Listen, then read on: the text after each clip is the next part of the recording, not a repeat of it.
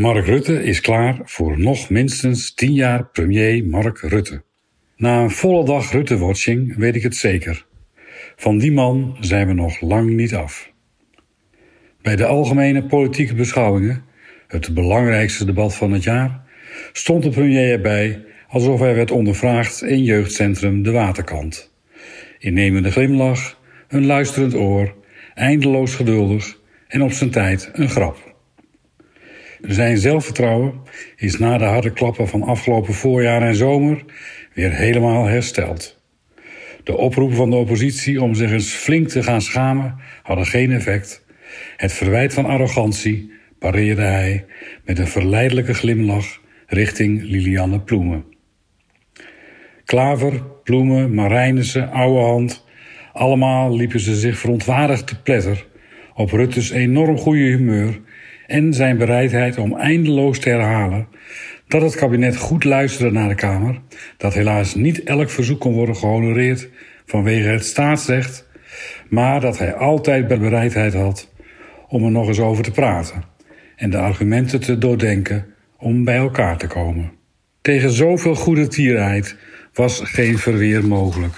Bovendien kregen ze in de zorg eindelijk een loonsverhoging en werd de verhuurdersheffing afgeschaft was deze verbinder, puur zang, de man die de formatie al een half jaar lang blokkeerde?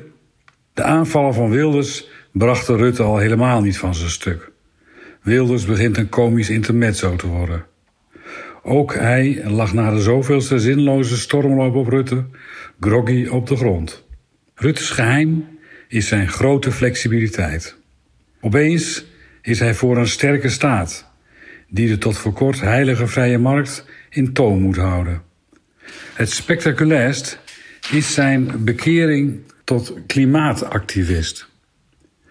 Na zijn toelichting op de klimaatplannen van het kabinet, de derde grote verbouwing van dit land sinds de Tweede Wereldoorlog, werd het Wilders te veel. De premier is gehersenspoeld, zei hij. Hij voert de klimaatgekkigheid van GroenLinks uit. Ook daar liet Rutte zich niet door van de wijs brengen. Hij wekte sterk de indruk dat hij zelf een proces tegen de staat zou zijn begonnen als de agenda hem niet was voorgeweest. Schiphol ligt vier meter onder de zeespiegel, riep hij. Als we niks doen, is Nederland verloren. Rutte wil Olympisch kampioen klimaataanpak worden en van Nederland de modernste en duurzaamste economie ter wereld maken. Dat klinkt goed. Hier stond een man met een missie die Den Haag al met gerenoveerd Binnenhof en al in de golven zag verdwijnen en die het achteloos had over de groene waterstof-backbone, alsof hij er thuis al eentje had laten installeren. Rutte had vernomen dat in 2030 anderhalf tot 2 miljoen mensen werkzaam zouden zijn in de klimaatindustrie. Hij begon een beetje glazig te kijken en opeens had ik het door. Hij zag zichzelf als degene die leiding moest geven aan die transitie. Zelfs toen hij 2050 noemde, Nederland klimaatneutraal, leek hij niet uit te sluiten tegen die tijd nog aan het roer te staan.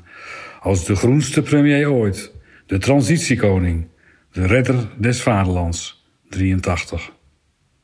Het was een visioen. Hij is nu elf jaar premier, maar de jaren waren niet meer dan een aanloop naar het grote werk.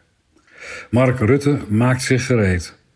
De toekomst is te ingewikkeld om aan lichtgewichten over te laten. Een historische taak en een standbeeld op het plein wenken. Blijmoedig begon hij aan de beantwoording van een vraag van het Kamerlid van der Plas over de bouw van een nieuwe stad in de Oostvaardersplassen, waarmee in één keer de woningnood zou zijn opgelost. Dat zal niet gaan, zei Mark Rutte vastberaden.